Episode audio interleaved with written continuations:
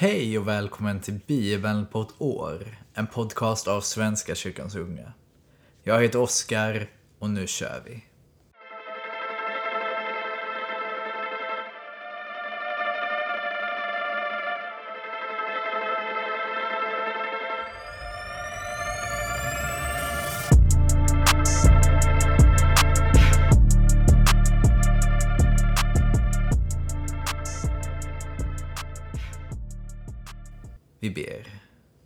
Tack Gud för denna lördag.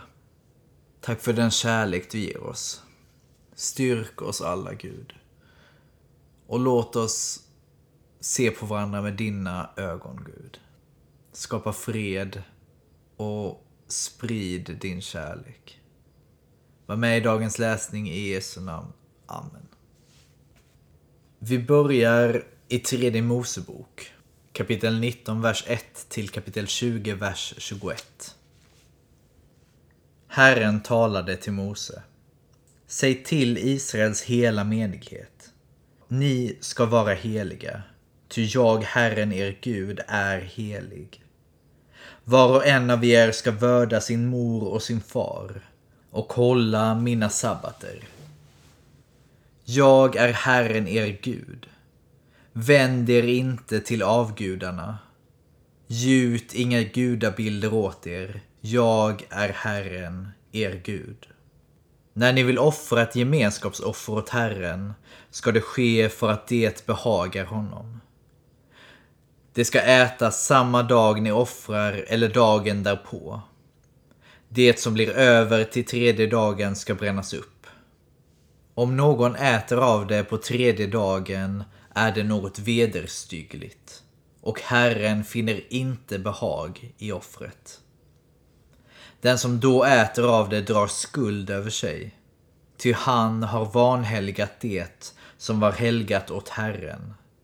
Han ska utstötas ur sitt folk. När grödan bärgas i ett land ska du inte skörda ända ut till åkerrenen. Inte heller ska du samla in det sista axeln på skörden. Du ska inte göra någon efterskörd i din vingård. Inte heller plocka upp nerfallna druvor. Du ska lämna kvar det åt den fattige och åt invandraren. Jag är Herren, er Gud. Ni ska inte stjäla och inte bedra eller lura varandra. Svär inte falskt vid mitt namn. Då vanhelgar du din Guds namn. Jag är Herren. Du ska inte tilltvinga dig något av din nästa eller beröva honom något. Du ska inte hålla inne arbetarens lön över natten. Du ska inte förbanna en döv och inte lägga något i vägen för en blind så att han faller. Du ska frukta din Gud. Jag är Herren. Ni ska inte handla orätt när ni dömer. Du ska varken gynna den fattige eller ta parti för den rike. Rättvist ska du döma din landsman. Du ska inte gå med förtal bland dina bröder och du ska inte stå din nästa efter livet. Jag är Herren. Du ska inte bära agg mot din landsman utan tillrättavisa honom. Så att du inte för hans skull drar skuld över dig. Du ska inte ta hämnd och inte hysa vrede mot någon i ditt folk. Utan du ska älska din nästa som dig själv. Jag är Herren. Mina stadgar ska ni hålla.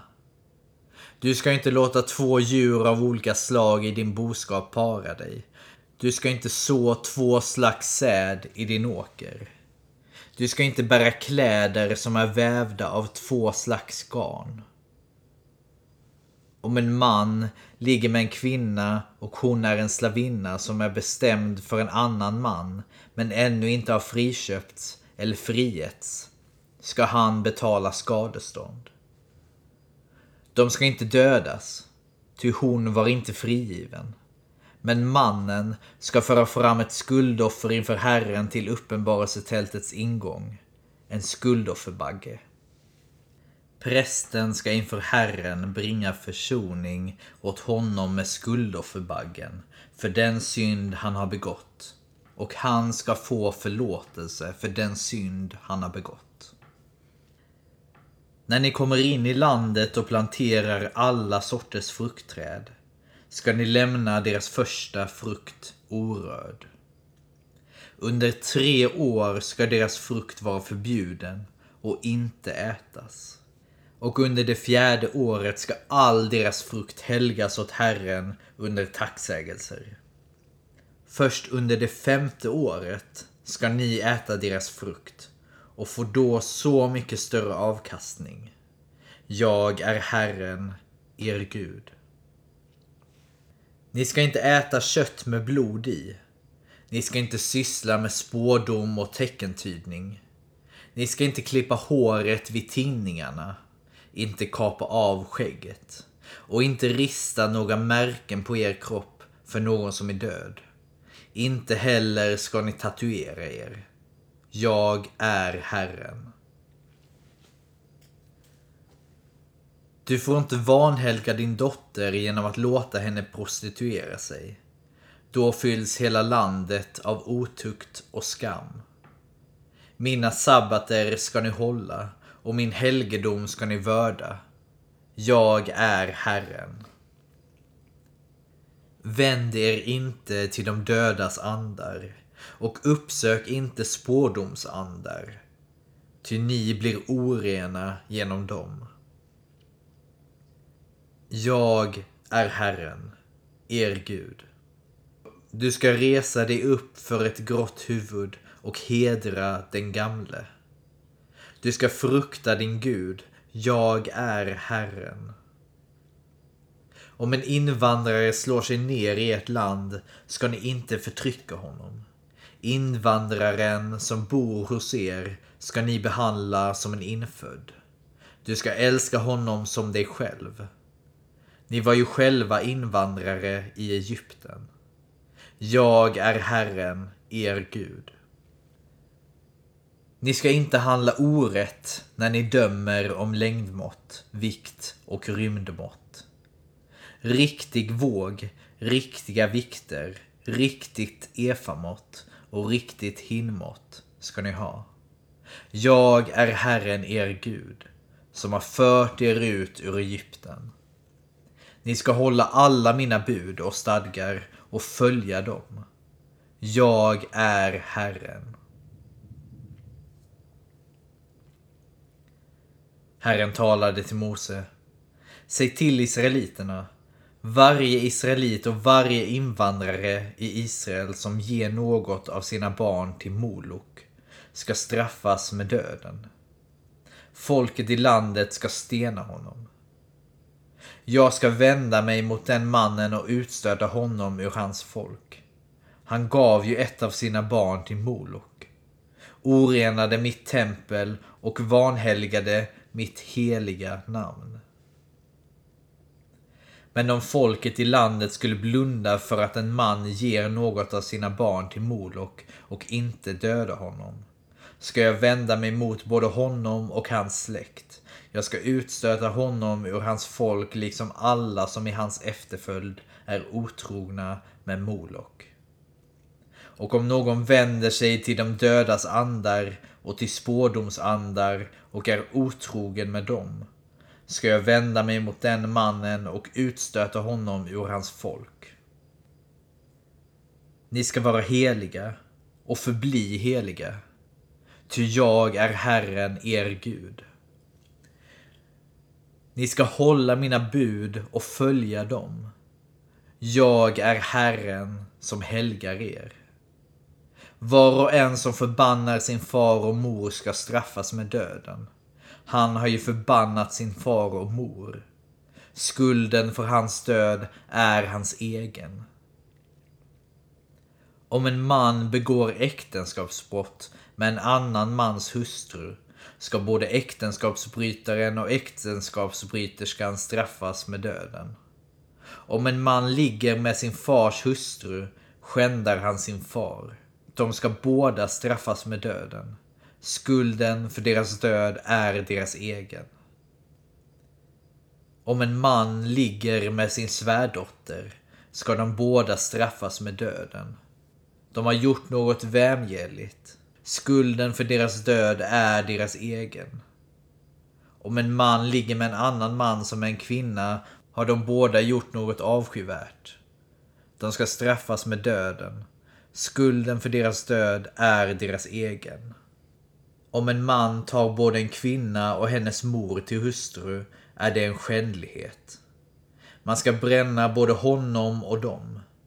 Om en man har könsumgänge med ett djur ska han straffas med döden. Djuret ska ni också döda. Om en kvinna närmar sig ett djur och parar sig med det ska du döda både kvinnan och djuret. De ska straffas med döden. Skulden för deras död är deras egen. Om en man tar sin syster, sin fars eller sin mors dotter till hustru och de har umgänge med varandra är det en skamlighet och de ska utstötas ur sitt folk i allas åsyn. Han har lägrat sin syster, han har dragit skuld över sig. Om en man har samlag med en kvinna under hennes menstruation och blottar hennes blods källa, liksom hon själv blottar den, ska båda utstötas ur sitt folk. Du får inte lägra din mors syster eller din fars syster, ty den som gör så vanärar sitt eget kött och blod, och de drar skuld över sig. Den som ligger med sin farbrors hustru skändar sin farbror. De drar synd över sig och ska dö barnlösa. Om någon tar sin brors hustru till hustru är det en vedervärdig handling. Han skändar sin bror och de blir barnlösa. Jag tänker att, jag tänker att mycket av det här som beskrivs är relationer som är ur balans. Relationer som bygger på begär och inte på kärlek. Och att det är det som är det stora felet i det. Att det handlar om begär och inte om kärlek. Vi fortsätter i Markus evangeliet kapitel 8, vers 11 till 38. Fariseerna kom ut och började diskutera med honom. För att sätta honom på prov bad de honom om ett tecken från himlen. Jesus suckade djupt och sade Varför vill detta släkte ha ett tecken? Sannerligen om detta släkte ska få något tecken. Så lämnade han dem och steg i båten igen och for över till andra sidan sjön. Lärjungarna hade glömt att ta med bröd. Ett enda bröd hade de med sig i båten. Jesus varnade dem. Se noga upp med både fariseernas och Herodes surdeg. Men de sade till varandra att de ju inte hade bröd med sig. Han märkte det och frågade Varför säger ni att ni inte har bröd? Har ni ännu inte fattat och förstått någonting? Är ni så förstockade? Kan ni inte se fast ni har ögon och inte höra fast ni har öron? Har ni glömt hur jag bröt de fem bröden åt de fem tusen? Hur många korgar plockade ni då fulla med rester? Tolv, svarade de. Och efter de sju bröden till de fyra tusen, hur många korgar fulla med rester fick ni då? Sju, svarade de. Han sade, förstår ni fortfarande ingenting? Då de kom till Betsaida förde man fram en blind och bad Jesus röra vid honom. Han tog den blinde vid handen och ledde honom ut ur byn. Sedan spottade han på hans ögon, lade sina händer på honom och frågade Ser du något? Mannen öppnade ögonen och sade Jag ser människorna. De liknar träd, men de går omkring. En gång till lade han sina händer på mannens ögon. Och nu kunde han se riktigt och var botad och såg allting tydligt. Jesus skickade hem honom med orden Gå inte ens in i byn. Sedan gick Jesus och hans lärjungar bort till byarna kring Caesarea Filippi. På vägen frågade han dem Vem säger människorna att jag är? De svarade Johannes döparen. Men somliga säger Elia. Andra att du är någon av profeterna. Då svarade han dem. Och ni? Vem säger ni att jag är? Petrus svarade. Du är Messias. Men han förbjöd dem strängt att tala med någon om honom. Därefter började han undervisa dem och sade att Människosonen måste lida mycket och bli förkastad av de äldste och översteprästerna och de skriftlärda och bli dödad och uppstå efter tre dagar. Detta sade han helt öppet. Petrus drog honom då åt sidan och började förebrå honom. Men han vände sig om och när han såg lärjungarna tillrättavisade han Petrus. Håll dig på din plats, Satan. Dina tankar är inte Guds, utan människors. Sedan kallade han till sig både lärjungarna och folket och sade Om någon vill gå i mina spår måste han förneka sig själv och ta sitt kors och följa mig. Ty den som vill rädda sitt liv ska mista det. Men den som mister sitt liv för min och evangeliets skull, han ska rädda det. Vad hjälper det en människa att vinna hela världen om hon får betala med sitt liv? Med vad ska hon köpa tillbaka sitt liv? Den som skäms för mig och mina ord i detta trolösa och syndiga släkte. Honom ska också Människosonen skämmas för när han kommer i sin faders härlighet med de heliga änglarna. Ja, Jesus, det känns som att Jesus är lite frustrerad över att ingen förstår. Att vi människor är så... Vi förstår inte. Vi gör samma misstag hela tiden, begår samma onda gärningar gång på gång på gång. Krig härjar, ondska försiggår. Att vi aldrig lär oss. Att vi aldrig förstår. Men jag tror att en dag kommer vi förstå. Vi fortsätter i Saltaren, psalm 42. Och det här är första salmen i den andra delen av Saltaren. För körledaren, en dikt av Korachs ättlingar. Som hjorten längtar till bäckens vatten. Så längtar jag till dig, o Gud.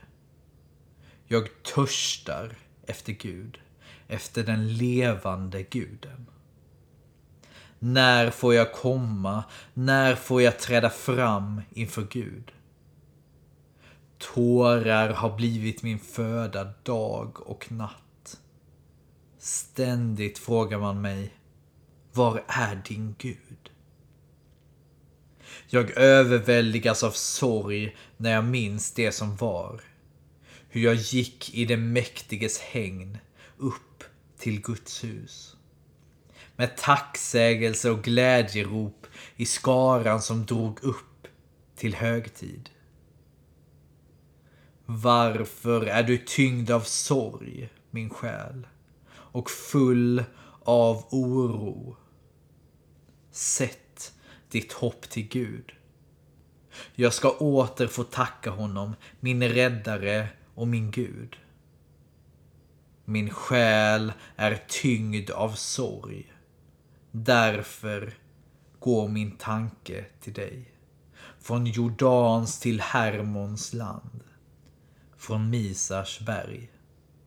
Djup ropar till djup i dånet av dina forsar. Alla dina brottsjöar så samman över mitt huvud. Om dagen ska Herren skänka sin nåd. Om natten ska jag sjunga till hans ära och be till Gud som ger mig liv.